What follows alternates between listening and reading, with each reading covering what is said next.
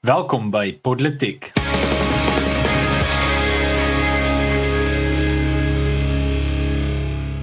Ja, my naam is Paul Maritz en saam in die ateljee is Daniel Elof en vandag is dit vir ons 'n groot voorreg om te gesels met Ian Cameron. Nou ja, enigiemand wat eintlik die hele veiligheidstoneel in Suid-Afrika dophou sal gereeld hoor van Ian Cameron, maar uh amptelik is hy die direkteur van gemeenskapsveiligheid by Action Society. Hy's ook die stigter by firearms.co.za of daarvan. Ian, lekker om jou te gesels. Dankie julle. Ek sien uit. Nou, uh, kom spring sommer weg, net laat ons jou beter leer ken en dan dan sê dat die mense by die huis jou beter leer ken. En jy vir my sê, uh, wie is wie is die drie mees invloedryke mense in jou lewe gewees? Ehm um, wat jou die meeste gevorm het tot hier waar jy uh, vandag Ek uh, julle het my gewaarsku ek mag nie sê Daniel nie. Toe sê ek vir julle hy was die die, die plan was eintlik dat hy die eerste twee sou wees, maar dan spil dan sê jy sleg gevoel het.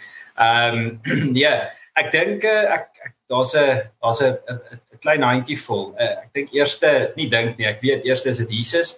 Ehm um, geen twyfel nie. So ek het 'n uh, 'n uh, 'n uh, onsaglike uh liefde vir Jesus. Ek sukkel baie keer om dit baie gedissiplineerd toe te pas, veral met ons huidige regering om om vriendelik en liefdevol te wees. Maar uh ehm um, dit is 'n uh, ongelooflike hy is 'n ongelooflike rots in my lewe en en ek is opgewonde om uh, om koninkrykswerk te doen. En dan uh, is dit my vrou. Uh my vrou het niks met enige vorm van politiek, misdaad of enigiets soos dit te doen nie. Uh om die waarheid te sê toe ek ontmoet was sy nie heeltemal seker wie was Jacob Zuma nie. Uh en uh en en sy het 'n manier om uh om absoluut vir my op die op die stryd te narrow te hou. Sy sy uh sy sy hou my onder beheer en dan natuurlik my ouers. Ek het eh, 'n uh, fenominale verhouding met my ouers. Ehm um, ek noem hulle sommer nou as een, so sorry vir julle, maar hulle twee uh inspireer my my elke dag en dis my voorreg om 'n goeie verhouding met hulle te hê. Nou Jan, as ek dalk sommer kan begin, ons het so klein bietjie klaar gehoor oor uh, al die die wonderlike hoedanighede waarmee uh, jy vandag met ons gesels. Maar kan jy dalk ons net so bietjie deur jou geskiedenis vat want uh, ek bedoel jy het eintlik vir iemand wat op 'n jong ouderdom uh sukses behaal het, baie sukses behaal in in daai kort tydjie. Ehm um, ek uh, ja, sukses is is ook 'n relatiewe term. Ehm um, ek, uh, ek ek dink dit was moetswillig dat ek dat ek beplan het om die werk te doen wat ek wat ek doen in teendeel uh en om vir julle 'n idee te gee van uh van van my agtergrond. So ek is gebore in die Oosrand. Dit is hoekom ek grappies oor kom en mense in die Oosrand mag maak. Ehm um, so ek is ek is lekker lekker uit Kempton Park uit en en trots daarop. En toe ek omtrent 10 was, het ons Engeland toe getrek as gesin vir 6 jaar en ons het daar gewoon as gevolg van my my pa se werk en na 6 jaar het ons teruggekeer Suid-Afrika toe net omdat ons ons mense gemis het. Ons het die kultuur gemis, ons het ons taal gemis en uh en ons het 'n groot behoefte gehad om om deel te wees.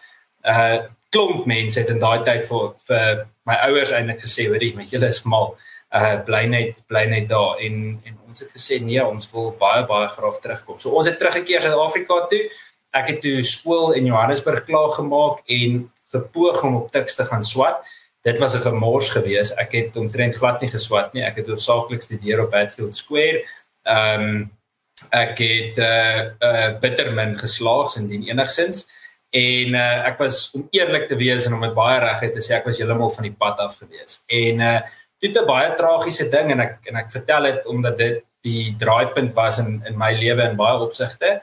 Het iets met my gebeur toe ek 20 geword het, het iemand uh vir my 'n uh, drankie iets ingegee en ek het verskriklik siek geword en ek het onttrekking gekry van die dwelm wat daarin is tot vandag toe nie seker wat dit was nie en ek was vir baie maande weke en en toe nou ongelukkig maande het ek uh, het ek geweldige onttrekking gekry daarvan en uh, en dit het 'n 'n draaipunt gebring en fundamentele draaipunt in terme van van van geloof.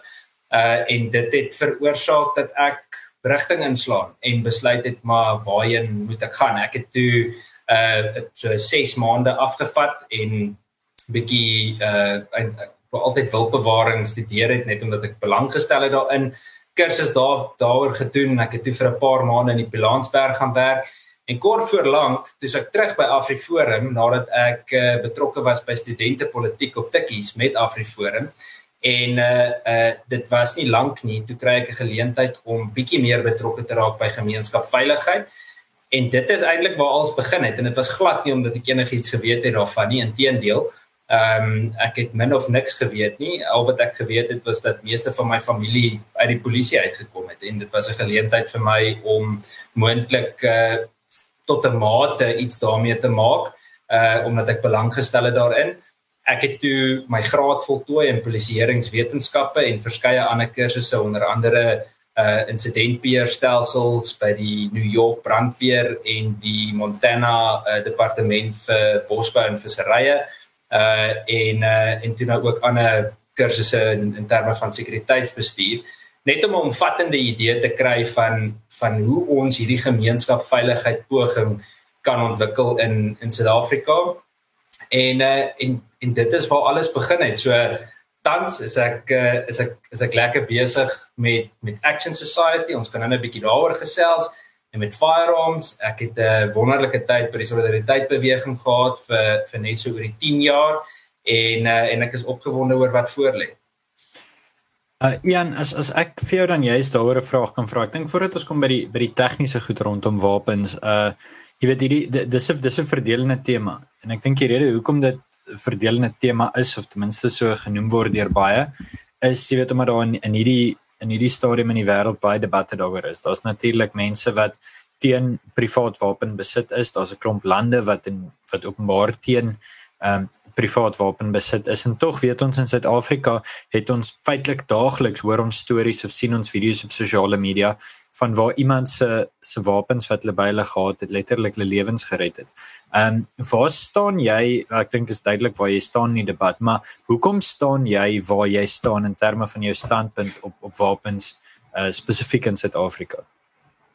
Ek dink daar's 'n daar's 'n paar goed. Ek Flipbuys het het ehm um, uh het, het verskeie kere met my daaroor gesels en en hy was my mentor gewees toe ek by die solidariteit beweging betrokke was en uh verskeie kere het hy verwys na met, mense soos Martin van Creffield uh wat op verskillende wyse en verskillende maniere die beginsel van uh mense wat voorberei is word nie sommer meer gesukkel nie. Uh en uh en ek vereenvoudig nou die term baie, maar die die beginsel was eenvoudig dat as jy voorberei is, opgelei is, dan is die kans dat iemand met jou gaan sukkel baie klein. En uh en nie net en, en dis wat ek ook by by hom eintlik geleer het is as jy dan nou voorberei jy stop jy nie net gewone misdaad nie jy stop ook politieke misdaad nou hoe om dit terug te bring na vuurwapens toe is is eintlik nogal eenvoudig die kans dat iemand jou gaan boelie as hulle weet jy het die vermoë om binne die raamwerk van die wet 'n uh, vuurwapen of 'n wapen dan nou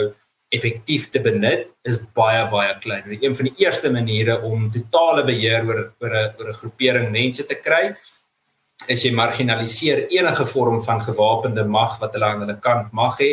Uh in Suid-Afrikaanse terme 'n komando, 'n uh, effektiewe reservistelsel, uh selfs buurtwagte. Uh en uh en die volgende ding is jy fokus op die individu en jy ontwapen hulle. En kort voor lank het hulle geen vermoë om teen uh, om uh, dan het jy geen vermoë om om uh, om op te staan vir jouself nie. En jy het ook geen vermoë om jouself te beskerm nie. En hulle marginaliseer jou in die naam van geregtigheid of die gevaar van vuurwapens jy weet. Dis tipies uh, Justin Trudeau beweging waar ons ewe skielik sien hoe almal wat wat onder die dekmantel van liberalisme regeer het nou eintlik uitkom as totale fasiste ehm um, en uh, en ek dink dit is dis daai beginsel wat wat my baie na in die hart lê ek is glad nie 'n tegniese vuurwapenkenner nie. Inteendeel, jy gaan dalk uh, jou wapen moet laat dien soos ek dit vir jou moes doen.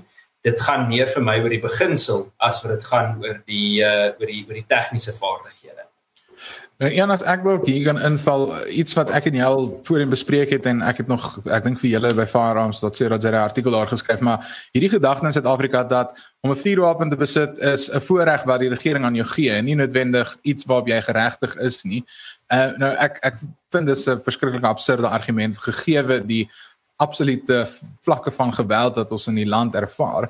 Maar waar staan jy op daai vraag oor is is dit volgens jou net 'n basiese reg wat elke liewe individu eenvoudig het bloot omdat hulle bestaan of voel jy daar is dit dit is maar hierdie voorreg wat die regering vir ons gee en eintlik soos wat die vuurwapenwet eintlik maar homself voorgee om om te wees. Wel ek dink is 'n dis dis iets waaroor mense hele dag lank of uh, indien nie langer kan kan debatteer. Vir my is die beginsel jy mag jouself verdedig en as hulle alles wegvat waarmee jy dit mag doen, hoe gaan jy dit doen? Ehm um, so mense gaan kyk na wat die effektiewe wyse is waarop jy jouself kan verdedig. Nou mense kan vir my kom vertel dat mense is goed al daai tipe dinge. Die feit van die saak is iemand wat uh, veral 'n handwapen goed kan hanteer in 'n in 'n algemeen en ek praat nie van 'n transito roofdop of 'n Rosettenville soos wat julle twee dae terug gesien het nie. Ehm um, en ons moet as jy daar 'n bietjie gesels daai die Rosettenville voorval. Graag, verseker. Ehm um, uh so so die die beginsel is vir my eenvoudig dat as jy 'n handwapen goed kan hanteer, jy is goed opgelei, jy uh, tree binne die raamwerk van die wet op, dan uit die aard van die saak dan dan dan kan jy jouself mos effektief verdedig in meer situasies as wat jy noodwendig met met ander kan kan doen. Die ander ding wat interessant is daarin wat ons dalk moet noem nê, is baie mense skets dikwels die idee dat wettige vuurwapen eienaars die probleem is. Maar ek kan nou vir jou sê die die oorgrootste meerderheid met wie ek al in kontak was is is mense wat so bewus is van die feit dat hulle die verantwoordelikheid uh opneem om 'n vuurwapen by hulle te dra, dat hulle juis versigtig is om nie die wet te oortree nie. So jy sal baie dikwels vind dat mense wat binne die wet bewapen is, nie byvoorbeeld uh drank sal misbruik of uh, of dronk bestuur nie. Daai tipe ding terwyl hulle 'n vuurwapen by hulle het. En uh en en ek wil amper sê en dit weer eens is nie noodwendig almal nie, maar die oorgrootste meerderheid uh wetsgehoorsame vuurwapen eienaars in Suid-Afrika uh sien ek as mense wat voorlopers is vir algemene ge geregtigheid. En ek dink dit is belangrik dat ons hulle stories vertel want dis nie die mense wat jy noodwendig sien wat uh onrus of geweld veroorsaak nie. Uh en en tog word hulle dikwels uitgekry as gewelddenaars. Uh Jan, ek wil vir jou 'n bietjie groter tipe vraag vra seker goed interesseer my ontset en jy weet ek dink natuurlik daar's baie mense met verskillende menings oor oor Suid-Afrika. Daar sal hulle wees wat sê jy weet miskien soos wat mense destyds vir jou ouers gesê het oor jy weet wat doen julle daar? Kom uit so gou as jy kan wat wat wat. Maar dan staan ook hulle en ek dink by die by die solidariteit beweging is dit is dit 'n lekker atmosfeer om in te werk. Maar mense wat wil bou en wat wat regtig ehm um, glo daar's 'n toekoms vir Suid-Afrika. Nou een van die groot krisisse natuurlik en ek dink een van die hoofredes hoekom mense die land verlaat, ten minste as ek kyk na my eie vriende en familie, is veiligheid. Ehm um, dink jy dat met al die inisiatiewe wat besig is, ek meen jy's besig met verskeie goeters en jy het 'n geskiedenis van 'n klomp projekte waarmee jy besig was, maar ook alles anders wat in die land aangaan, miskien selfs die wyse waarop die polisie het sy vorentoe gaan, agtertoe gaan, klomp private inisiatiewe, privaat besighede wat tafel toe kom. Dink jy dat die hele veiligheidssituasie in Suid-Afrika ehm um, dat hy opgelos kan word enigsins? Uh, en indien jy so dink, wat dink jy sal die sal die stappe wees wat ons kan neem? Uh jy weet ten einde miskien vinniger daar uit te kom. Sjoe, uh dis 'n dis 'n omvattende ene. Ek dink ek dink daar's 'n paar eenvoudige beginsels wat 'n mens kan oorweeg. Ek ek dink in die eerste plek moet ons nie moet ons nie onsself bluf en en hier vir mekaar sê ons kan 'n ideale Suid-Afrika skep nie. Ek ek sien dit regtig nie so nie. Ongelukkig dink ek die verval in sekere gebiede in hierdie land is so groot dat om dit om te keer is is amper 'n onmoontlike taak. Ek glo in die beginsel van konsentrasie. Ek glo in die op beginsel van mense wat uh uh wat, wat naaste by dieselfde denke het uh wat wat bymekaar kom. Nou baie interessant. Ek het onlangs Weskaap toe ge geëmigreer en uh um iets wat ek wat ek toenemend ervaar met mense wat ek mee rondom my te doen kry is dat die groot oorgrootste meerderheid vriende wat ons hier gemaak het is mense wat nie van hier af kom nie. En die interessante ding is baie van hulle is regtig hoogs geleerde mense. Uh ons het onlangs 'n uh, klein dogtertjie gehad en uh terwyl my vrou toe nou in die hospitaal is na die babatjie gekom het en en alles Toe is dit baie interessant dat amper al die medisy behalwe vir die verpleegsters met wie ons te doen gehad het of uit die Vrystaat of uit Gauteng of uit KwaZulu-Natal uitgekom het. Ehm um, en natuurlik hier en daar uit uit die uit die Weskaap. Nou nou wat interessant is hiervan is die feit dat daar waar jy hierdie konsentrasie van geleerde mense het wat hard wil werk, blyk dinge redelik goed te funksioneer. Dit is nie perfek nie, maar daai Engelse woorde wat ons dikwels hoor van brain drain in Suid-Afrika, sien jy hoe daar uh, op 'n fokuspunt of op 'n gekonsentreerde punt 'n uh, regtig wesenlike groei en ontwikkeling is. Uh en en en ek dink daai beginsel is is vir my belangrik. So uh ek uh, ek dink ek dink dit is krities dat ons op daai manier hoop probeer skep. Ek het nie al die antwoorde daarvoor nie. Wat ek wel weet is dat ons met so 'n tipe konsentrasie beslis veiliger gemeenskappe kan skep. Ek dink ons moet vir baie versigtig wees om die idee te skep dat ons alleen afhanklik moet wees of is van die Suid-Afrikaanse Polisie Diens. Ek dink die Suid-Afrikaanse Polisie Diens indien hy enigsins herstel gaan uh, kom kom ons kom, laat ek eerder oor begin met daai sin. Kom ons sê die Suid-Afrikaanse Polisie Diens moet herstel tot waar hy 15 selfs 20 jaar terug was. En toe was hy eintlik al reeds 'n bietjie in die in die in die in die moeilikheid. Maar kom ons sê hy moet herstel tot daar. Dit gaan 'n goeie 20 tot 25 jaar vat indien nie langer volgens my om weer op daai punt te kom ek dink nie mense besef in in watter slegte toestand die Suid-Afrikaanse polisie diens tans is nie. So wat doen ons? Ek dink op 'n staatsvlak is dit belangrik dat ons toenemend kyk na die idee van federalisme. Ons moet kyk dat dit waarvoor mense stem is wat hulle kry want dit help nie daar's mense wat nie stem vir die ANC nie maar hulle is nog steeds afhanklik van 'n ANC diens. Ehm um, weer eens ek vereenvoudig dit. Ek dink op 'n op 'n volgende vlak wat moontlik vir gemeenskappe statutêre vermoë kan gee, wil ons graag kyk dat ons onder munisipaliteite wat goed regeer word en daar is nog 'n handjievol van hulle en selfs provinsiale regerings bietjie meer van 'n reservis uh kom ons sê reservis in 'n kombinasie van rampbestuur model wil ontwikkel waar gemeenskappe op hierdie manier saam met buurtwagte en plaaswagte uh dan nou uh, meer statutêre vermoëns kan kan geniet. En dit beteken ons begin vir die gemeenskap weer slaankrag gee. Nou ek kan ongelukkig nie sien dat 'n mens dit ooit gaan regkry onder 'n ANC regering nie. Dis krities dat ons koalisie regerings aanmoedig. Ek dink nooit daar moet een enkele meerderheid wees nie. Ek dink jy jy staar dan reeds die gevaar in die gesig wat ons tans het met die ANC en dat die skip dan baie ver te groot is om maklik te stop. Waar koalisie regering baie baie hard moet werk om die balans te handhaaf en ons moontlik dan 'n sterk federale stelsel kan kry en dan natuurlik en julle weet dit so goed soos ek die fondasie van al hierdie moet vrywillige gemeenskapsinkoop wees. As die gemeenskap nie inkoop nie, dan help die politiek absoluut niks. Nou Janus, ek wil dan vra jy, jy ons praat oor die die probleme by by die polisie diens en dit voel vir my die lys word net by die dag langer. Ek bedoel ehm um, van die werk wat Action Society doen het te doen met die DNA databases wat 'n probleem is. Uh, ons weet van die vuurwapen lisensies wat 'n probleem is. Ons weet van die die die plaaslike ag die die die landelike veiligheid wat 'n probleem is. Dit dit voel amper mense wil vra waar waar begin mense en ek neem aan dit is soos die die vraag van hoe hoe eet mense olifant dis nou maar happy for happy. Maar dit voel vir my amper wat die probleem is met die polisie diens is dis 'n enorme probleem en en ek dink jy jy slaan die spyker op die kop toe jy vroeër gesê het ons besef nie eintlik presies wat is die omvang van die die probleme by die polisie diens nie. Dis hoekom een van die voorstelle wat ek het wat en ek dink is 'n baie sinvolle voorstel en dit dit hak vir my eintlik aan by jou punt oor gemeenskappe wat moet moet amper eienaarskap neem oor veiligheid. Ehm um, maar dat dit nie gaan regkry sonder 'n uh, koalisie regerings nie.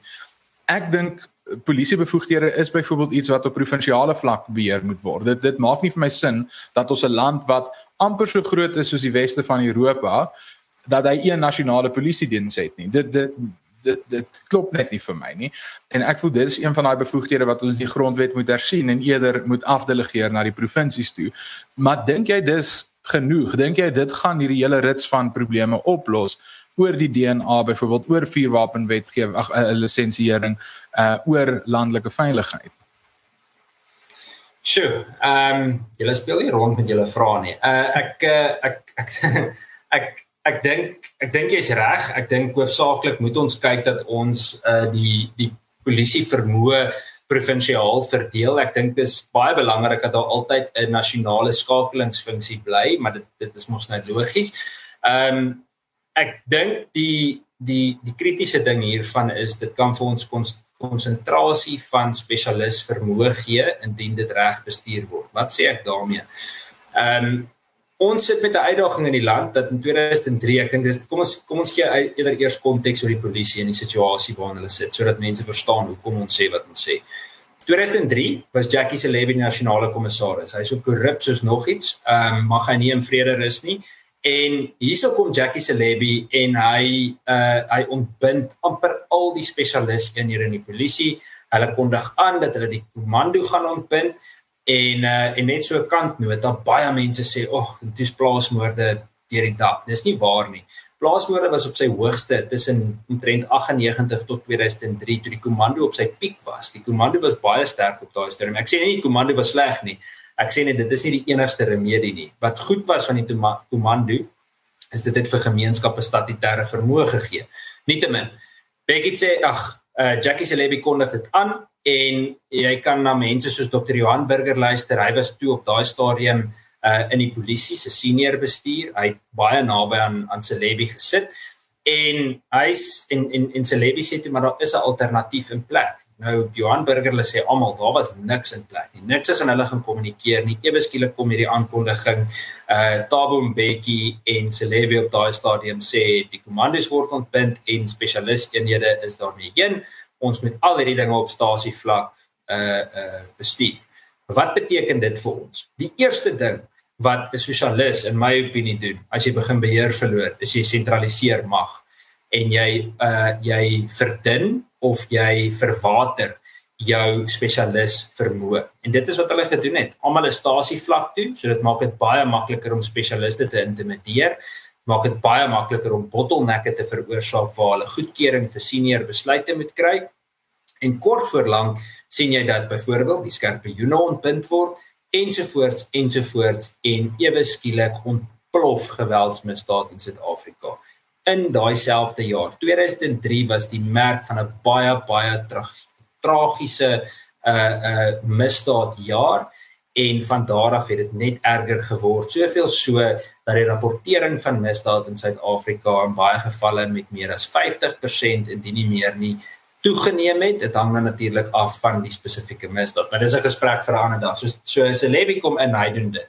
Hy sê uit ons het vir kort rukkie het ons iemand wat instaan 'n uh, goeie polisiebeampte gewees, maar dit was 'n paar maande en nie lank nie kom Bekkie Cele in. Cele wat nou die minister van polisie is, is uiters uiters korrup op daai stadium. Niemand weet dit direk nie. Hy sonder dat hy dit weet, doen mense in die polisie 'n interne audit ondersoek. En uh, uh sonder om te veel name te noem, was daar briljante beamptes wat hierdie interne audit gedoen het. En hierdie audit wys vir ons dat Becky Cele en hier is net so aan die einde van sy bewind omtrent as uh, as kommissaris duisende beamptes in diens geneem het. Eerstens nadat hulle hulle eksamens gedryf het by die polisie kollege.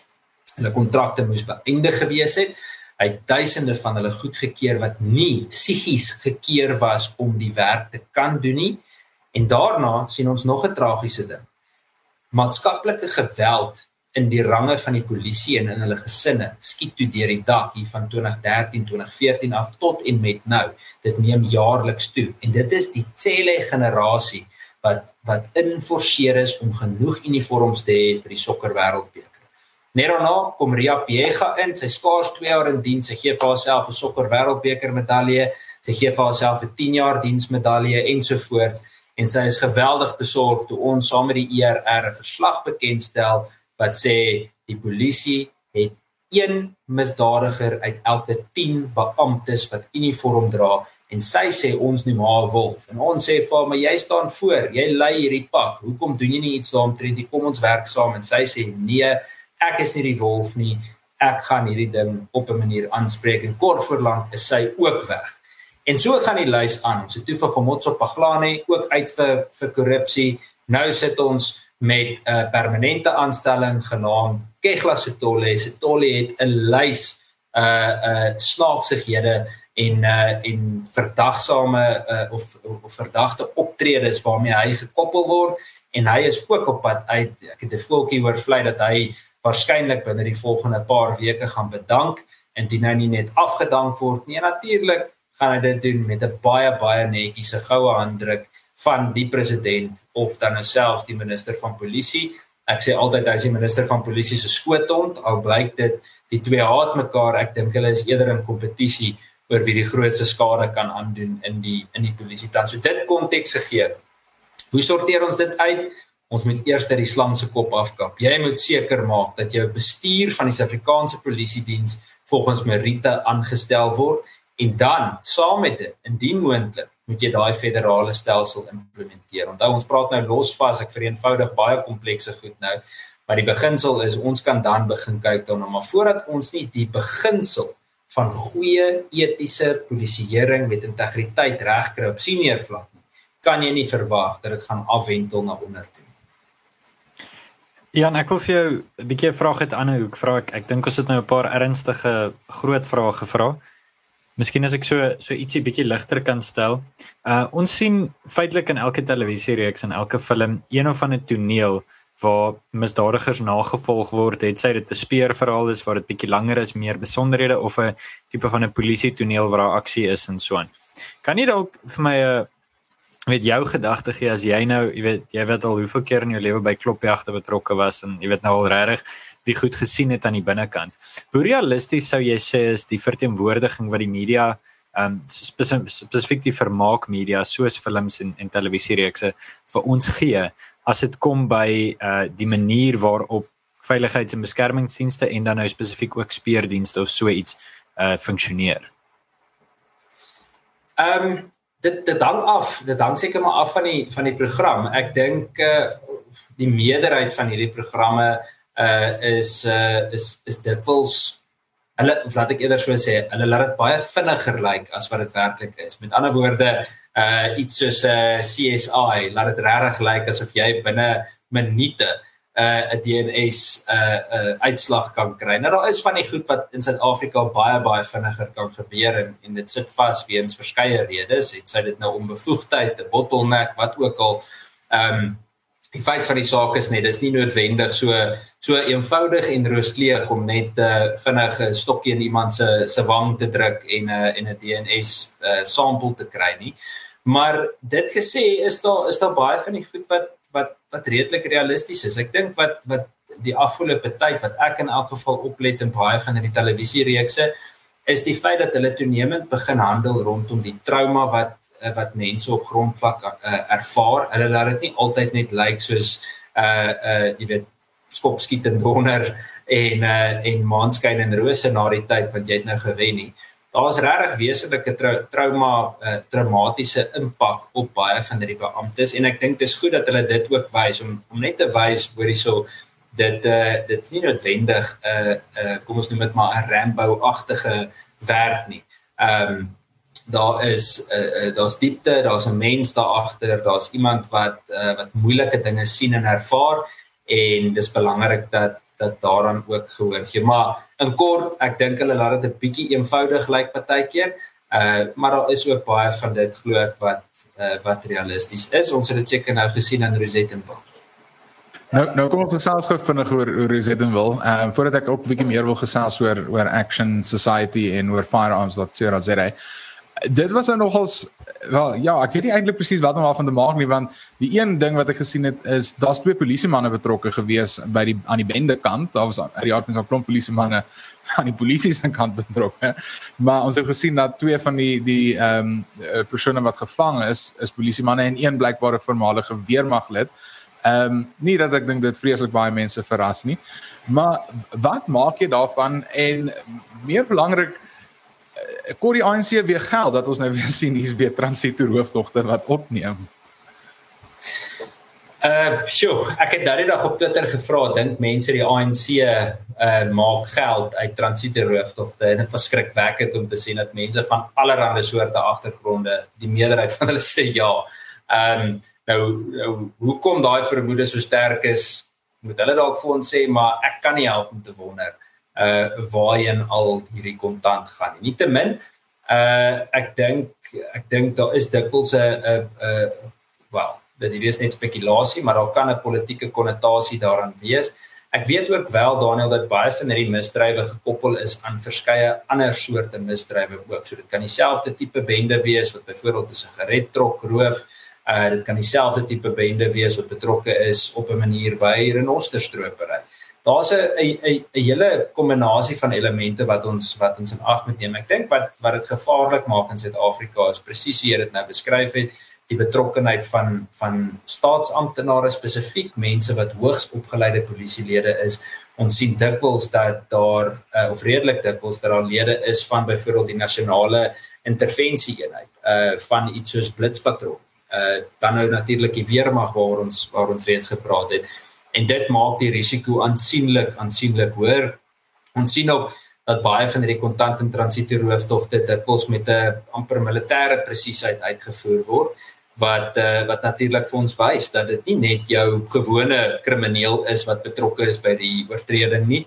Dit is regtig iemand wat 'n vorm van opleiding voorheen voltooi het en dit sê ook vir jou en 'n mens kan dit sien jou gewone misdadiger wanneer daar gewoonlik geskiet word, hardop hulle weg. Daar is bitter bitter min wat jy insidente het wat 'n misdadiger regtig sy grond staan en terugskiet.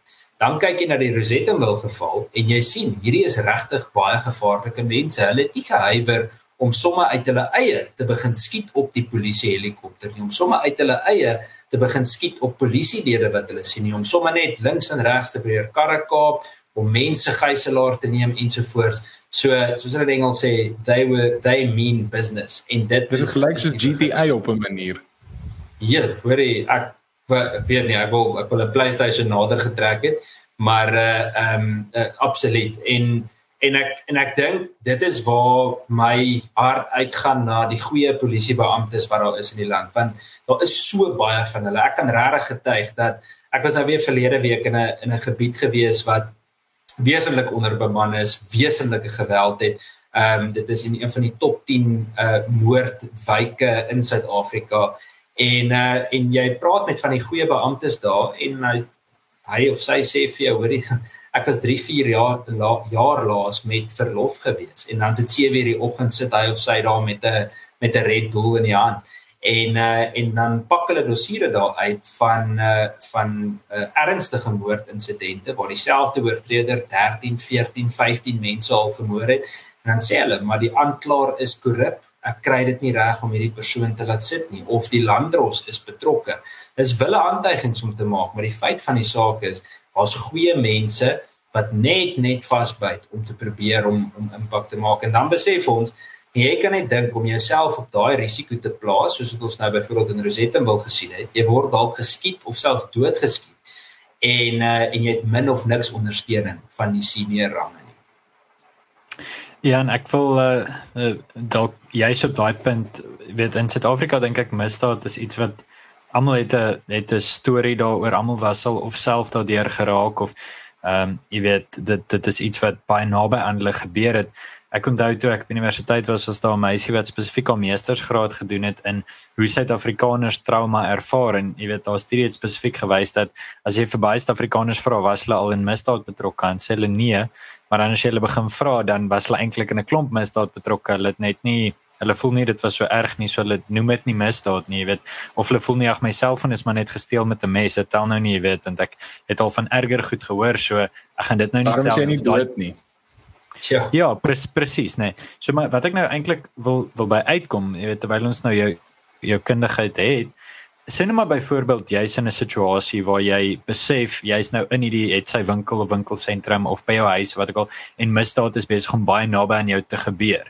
Het jy ek weet mense sê om die eerste 2 of 3 minute reg te reg op te tree uh, kan jou lewe red. Het, het jy tipe van 'n checklysie wat jy vir mense kan gee as hulle besef hulle is nou in die middel van 'n misdaadtoneel wat hulle nie moet doen nie definitief nie moet doen nie en dan ook wat jy dink watter stappe hulle kan neem om seker te maak dat hulle en hulle geliefdes so veilig as moontlik is. As dit 'n onredelike vraag is, is ek jammer, maar uh, gedink terwyl ek jou het, is dit dalk 'n slim vraag om te vra. Kom ek kom ek sê vir jou ehm um, ek gaan dit nou probeer om om onder dieselfde kant te skeer. Is moeilik want jy kry verskillende soorte misdade en verskillende scenario's maar kom ons sê argument onthaalwe jy kyk tipies na 'n uh, inkopiesentrum roof ek dink uh dit wils jy weet in die eerste plek dink ek nie dis die moeite werd om dapper op te tree nie. Jy het niks om te bewys nie. Moenie onnodig beklei nie. Ehm um, ek dink dis baie belangrik dat dat ons nie ge, geweld onnodig romantiseer nie. Ek het my my wesenlik vererg uh vroeër die week. Ek weet nie of julle gesien het van Terrence Steak, ehm um, eintlik oor die naweek, uh 'n sekuriteitsbeampte wat betrokke was by die Clover uh, staking. Uh nie, hy was nie 'n staker nie. Hy hy het sekuriteitsdienste gelewer en en hy het reeds 'n spanlid verloor en en toe is hy nou tragies vermoor en en ek het 'n video van die toneel opgesit en ek kry toe 'n 'n paar 'n handjievol boodskappe van mense wat sê hierdie is geweldspornografie. Hoe durf jy dit opsit? Wat van sy gesin? En uh, en ek gaan nou vir jou sê hoekom noem ek dit. Ehm um, ek dink dis belangrik dat ons nie mekaar heeltyd uh oorstroom met vreeslike geweldsprentjies, video's ensovoorts nie, maar ek dink tog daar's insidente wat ons baie keer moet wys om te keer dat ons presies vir die rede wat jy nou net genoem het, nie begin om ernstige geweld te normaliseer nie. En dit tel eintlik vir alle misdade. Onthou, al breek iemand by jou huis in en jy's nie daar nie, is dit nog steeds 'n mate van trauma waardeur jy gaan. Dit is jou persoonlike spasie. Uh dit is dit is daar's niks meer fout as jy daarna sekere gevoelens van sê nou maar angs of ander uitdagings beleef nie, want jy het 'n trauma beleef. Nou mense kan lag en sê ag, hulle jy het hulle nie eers gesien nie. Jy het nie eers die misdadiger ontmoet nie. Ehm um, hulle het jou nie enige fisiese skade aangedoen nie. Dit maak nie saak. Dit is 'n dreigement dit kon baie erger gewees het en ons almal is so dat ons wonder maar wat as dit erger was? Wat kon met my of my gesin gebeur het? So ek dink dis krities dat maak nie saak wat met jou gebeur nie ons moet dit vir mense vertel ons moet dit met mense kan deel en ons moenie vir iemand lag as dit volgens ons dalk 'n minder ernstige misdrijf is. Nou terug na hoe hanteer mense dit? Ek dink jy moet probeer om asem te haal. Baie mense skrik so dat hulle heeltemal vries en mense hanteer hierdie goed op verskillende maniere. Dink is belangrik om asem te haal, nie te probeer dapper wees nie en kyk wat jy kan doen om eerstens uit die spervuur te bly en daarna so vinnig as moontlik weg van so 'n toneel af te kom. Dit help nie hulle skiet mekaar wild en wakker en jy hardloop dwars deur die skietery om weg te kom nie. Wag eers 'n bietjie en probeer dan wegkom. Maar dis nou maklik om te sê sonder dat ons oor 'n spesifieke situasie uh, praat ek uh, ek kombineer nou eintlik twee antwoorde. Ek dink die beginsel is moenie moenie onnodig dapper probeer wees nie en moenie geweld romantiseer nie. Daar's niks mooi daaraan nie. Dis nie 'n goeie ding as mense mekaar doodskiet nie. Dis nie 'n goeie ding as jy uh dit is goed as jy dalk oorleef het en jy het jouself verdedig, maar dis nie 'n goeie ding wat jy ervaar nie. Dis 'n tragiese ding. Dis hartseer dat ons in daardie omstandighede moet leef en ons moet versigtig wees dat ons nie onnodig geweld romantiseer nie. Nou ja, as ek dalk uh, so tweede laaste vraag kan vra. Ehm um, gepraat van mense wat wel in die spervuur is, alhoewel dit bietjie meer die spreekwoordelike spervuur is. Vertel ons 'n bietjie wat doen Action Society? Wat is jou rol binne die die organisasie? En net so 'n bietjie van van die agtergrond van uh wat Action Society doen. Ja, ja, ehm um, Action Society is 'n 'n is 'n is 'n is 'n vars briesie vir my. Dit is so lekker om met 'n met 'n span mense te werk soos soos hierdie. Dis heeltemal 'n ander tipe uitdaging. Ons fokus baie op geslagsgebaseerde geweld in Suid-Afrika. En ek dink wat Action Society uniek maak is dat ons nie net daar sit as 'n groep mense en sê ag alle mans is boos nie. Dis glad nie die beginsel waarmee ons werk nie. Mense hoor dikwels dat veral geslagsgeweld of een geslagsgeweld organisasies maak asof mans die uh, die duiwel van self is. En uh, en ek dink Action Society maak dit anders. Ons kyk na praktiese oplossings. Ons toets nou 'n model waarvan ek julle is die eerste mense wat ek op so 'n tipe platform van vertel wat ons noem die Action Center model. En hierdie model skep vir ons die vermoë om in meer diepte saakoorsig te doen, nie net van die vervolgingsproses nie, maar selfs die ondersoek en dat ons nou die mandaat by verskeie gesinne en slagoffers al gekry het om hulle te verteenwoordig op hierdie manier. So ons sal oor 'n paar maande sal ons meer amptelik meer inligting daaroor gee, maar dit is ongelooflik om te sien hoe slagoffers van verkrachting uh en dan nou natuurlik mense wat dit ongelukkig nie oorleef het nie se families vir ons die mandaat gee om te sê maar ons is honger vir geregtigheid. Help ons asseblief. Ons kan hierdie nie net laat gaan nie. En is baie interessant ook om te sien julle hoe die polisie regtig goed saamwerk. Ek het verwag dat ons baie meer teenstand gaan kry, maar ek kom agter in baie gevalle is hulle so toegegooi met uh met werk dat hulle eintlik enige goeie en uh kredietwaardige hulp verwelkom. So ons fokus baie op baie praktiese oplossings en Daniel soos jy dan nou weet, is ons betrokke by die DNS agterstand, hoe ons dit kan teenstaan, kan kyk hoe ons weer op 'n uh, uh op 'n uh, op 'n redelike ritme kan kom wanneer dit kom by die ehm um, verwerking van DNS en en ander bewysstukke. Ons is tans betrokke by die geveg rondom die vuurwapen permitstelsel van die polisie wat af is. Die polisie het nou vir amper 20 maande geen manier om presies te bepaal hoeveel wapens hulle werklik nog steeds in hulle besit het nie. Hulle werk op 'n papierstelsel op stasie vir uh, op stasie vlak dit laat wesenlike ruimte vir vir foute om gemaak te word. So die kanse is baie goed dat sou ons nou 'n vuurwapen audit doen waar ons baie sterk voel en ook aanmoedig, dan sou sal ons geskok wees om te sien hoeveel wapens werklik in die afgelope 20 maande weg is uit die polisie, dalk selfs verkoop is of uitverhuur is vir misdaad. Ehm um, so ons fokus tans baie op daai goed. Ek dink Action Society is besig om op 'n baie natuurlike wyse homself eintlik te begin uh posisioneer as bietjie meer van 'n polisieerend waghond wanneer dit kom by veral geweldsmisdaad, maar geslagsgeweld sal altyd ons kernfokus bly. Uh Jan, uh laaste vragie van my kant af dan gaan Daniel vir ons afsluit, maar um, net net vinnig om agtergrond te gee. Politiek is uh, so 4 jaar terug gestig in die Chicken Licken in Kloofsig en uh Uh ons het uh aanvanklik begin met onderhoudreekse en dit was alles in die ateljee waar ons die mense ook so kon sien en so aan. Hierdie is nou die eerste uh onderhoud van hierdie onderhoudreeks wat ons so 'n bietjie uit COVID COVID agter ons probeer los. Um ons wil graag eindig met met die met dieselfde vraag elke keer net om so 'n bietjie eenvormigheid te skep. Jy weet ons ons lees podcast ons luister podcast vir hoe mens goeie podcasts kan maak en dan wil dan maak ons soos eie podcast beter. Ehm um, in elk geval. Die vraag wat ek wil vra is dit.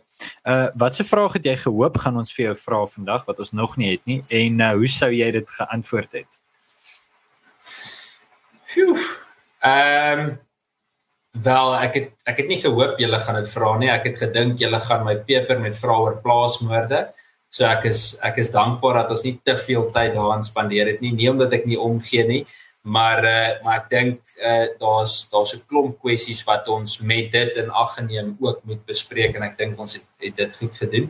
Ons het wel nie gepraat oor uh, oor firearms wat CRZ en en firearms guard nie. Daniel het het geneig in daai rigting, maar het nooit tot die punt gekom nie. Sien dis nou dis nou wat ons onervare is, maar asseblief Jan dalk dalk om om af te sluit, uh, vertel ons 'n bietjie hoe dit begin. Ehm um, en en wat probeer van ons dat sê dat jy eintlik bereik as as 'n elektroniese platform ehm um, wat wat is die doelwitte? En en hoe kan mense betrokke raak? Uh ja, so so Daniel, daar kom jy tot die punt baie mooi. Ehm um, uh ek speel sommer ek dink uh, uh Farms sê dat jy uh is is eintlik meer as 'n as 'n stokperdjie gebore so 2 jaar gelede. Die gedagte was eintlik dat ons 'n platform skep waar enigiets wapenverwant gedeel kan word in die vorm van kort artikels, blogs ensovoorts. En uh en dit het eintlik bietjie meer van 'n hupstoot gekry toe Becky Cele begin dreig om die vuurwapenwet te verander en daar het ons geweldig momentum gekry. Soveel so dat ons gaan net van 'n paar honderd besoekers per maand na oor die 30000 besoekers en uh, en dit het dit absoluut ontplof op op daai stadium en toe het ons die potensiaal gesien vir verskeie ander goed en en dit het geboorte gegee aan aan Firearms Guardian en voor ek daarby kom Firearms wat sê dat Zedai gaan aan hy interessante artikels uh Daniel jy het al vir ons geskryf Paul ek wag nog vir joune Ehm um, en uh, en dis alles wat vuurwapen verwant is of byvoorbeeld hierdie goed oor vuurwapenregte ensovoorts waar ons gepraat het. Daar's ook 'n paar tegniese goed. Byvoorbeeld hoe maak jy 'n vuurwapen skoon? Uh wat is belangrike veiligheidsaspekte wat jy moet oorweeg. Maar toe, ons so 'n paar jaar terug ook het ek met 'n met 'n oud kollega van my daaroor gesels. Sê ons maar, hoekom het ons nie versekerings wat iemand kan beskerm uh indien hy of sy iemand sou skiet in selfverdediging? En uh kort voor lank toe uh uh toe gaan 'n mens mos nou maar net aan met die lewe en hou op daaroor praat. En ek dink toe einde verlede jaar maar wag 'n bietjie, hierso is 'n geleentheid. Ons moet ons moet hierdie ding ontwikkel. En dis waar Firearms Guardian gebore is. So mense kan eintlik op firearms.co.za gaan kyk. Maar ons het die eerste produk van sy aard in Suid-Afrika ontwikkel wat vir mense gewaarborgde regshulp gaan gee nasionaal 24/7 ehm um, aan indien jy iemand sou skiet in selfverdediging. En die rede in die hart agter die ding is maar net ek het absoluut siek daarvoor geword dat ek hoor hoe wetsgehoorsame mense hulle self verdedig en dan hulle die mense wat die boeye moet aansit en nie andersom nie. En uh en ons ek dink hierdie is 'n manier wat ons wetlik georden en uh en uh op 'n op 'n slim bekostigbare manier vorentoe kan beweeg en kyk hoe ons hoe ons wetsgehoorsame mense weer kan beskerm en help nadat hulle so traumatiese ding moes deurmaak. Jan, baie dankie. Dankie dat jy by ons aangesluit het. Ek is seker al ons luisteraars het hierdie gesprek verskriklik insiggewend gevind en ons hoop ons kan jou weer binnekort terug verwelkom. Ehm um, hoopelik nie na die volgende groot uh skietery tussen die polisie en transito roof tog bendes nie. Maar nou ja, Uh soos uh mense wat hoofstroom media lees is hierdie episode van nou ook eers verby. As jy hou van wat ons doen hier by Politiek klik op die subscribe knoppie en klik natuurlik op die kloppie sodat klokkie sodat jy kan sien as ons regstreeks gaan. Dankie vir almal wat vandag ingeskakel het uh en saam bietjie ontnonsens het en vir een Cameron beter leer ken het. Ons waardeer almal wat ook ontnonsens saam met ons. Jy kan natuurlik vir ons kommentaar los in die kommentaarafdeling en op ons Telegram groep waar julle almal lekker bedrywig en besig is. Ondersteun vir politiek deur ons borgers te ondersteun en jy kan natuurlik ook vir ons 'n resensie los met jou klagtes en gedagtes en dan sien ons julle weer volgende week Woensdag vir ons volgende weeklikse episode en nou weer die spasie dop vir ons uh heel nuutste onderhoud reeks episode. Tot volgende keer.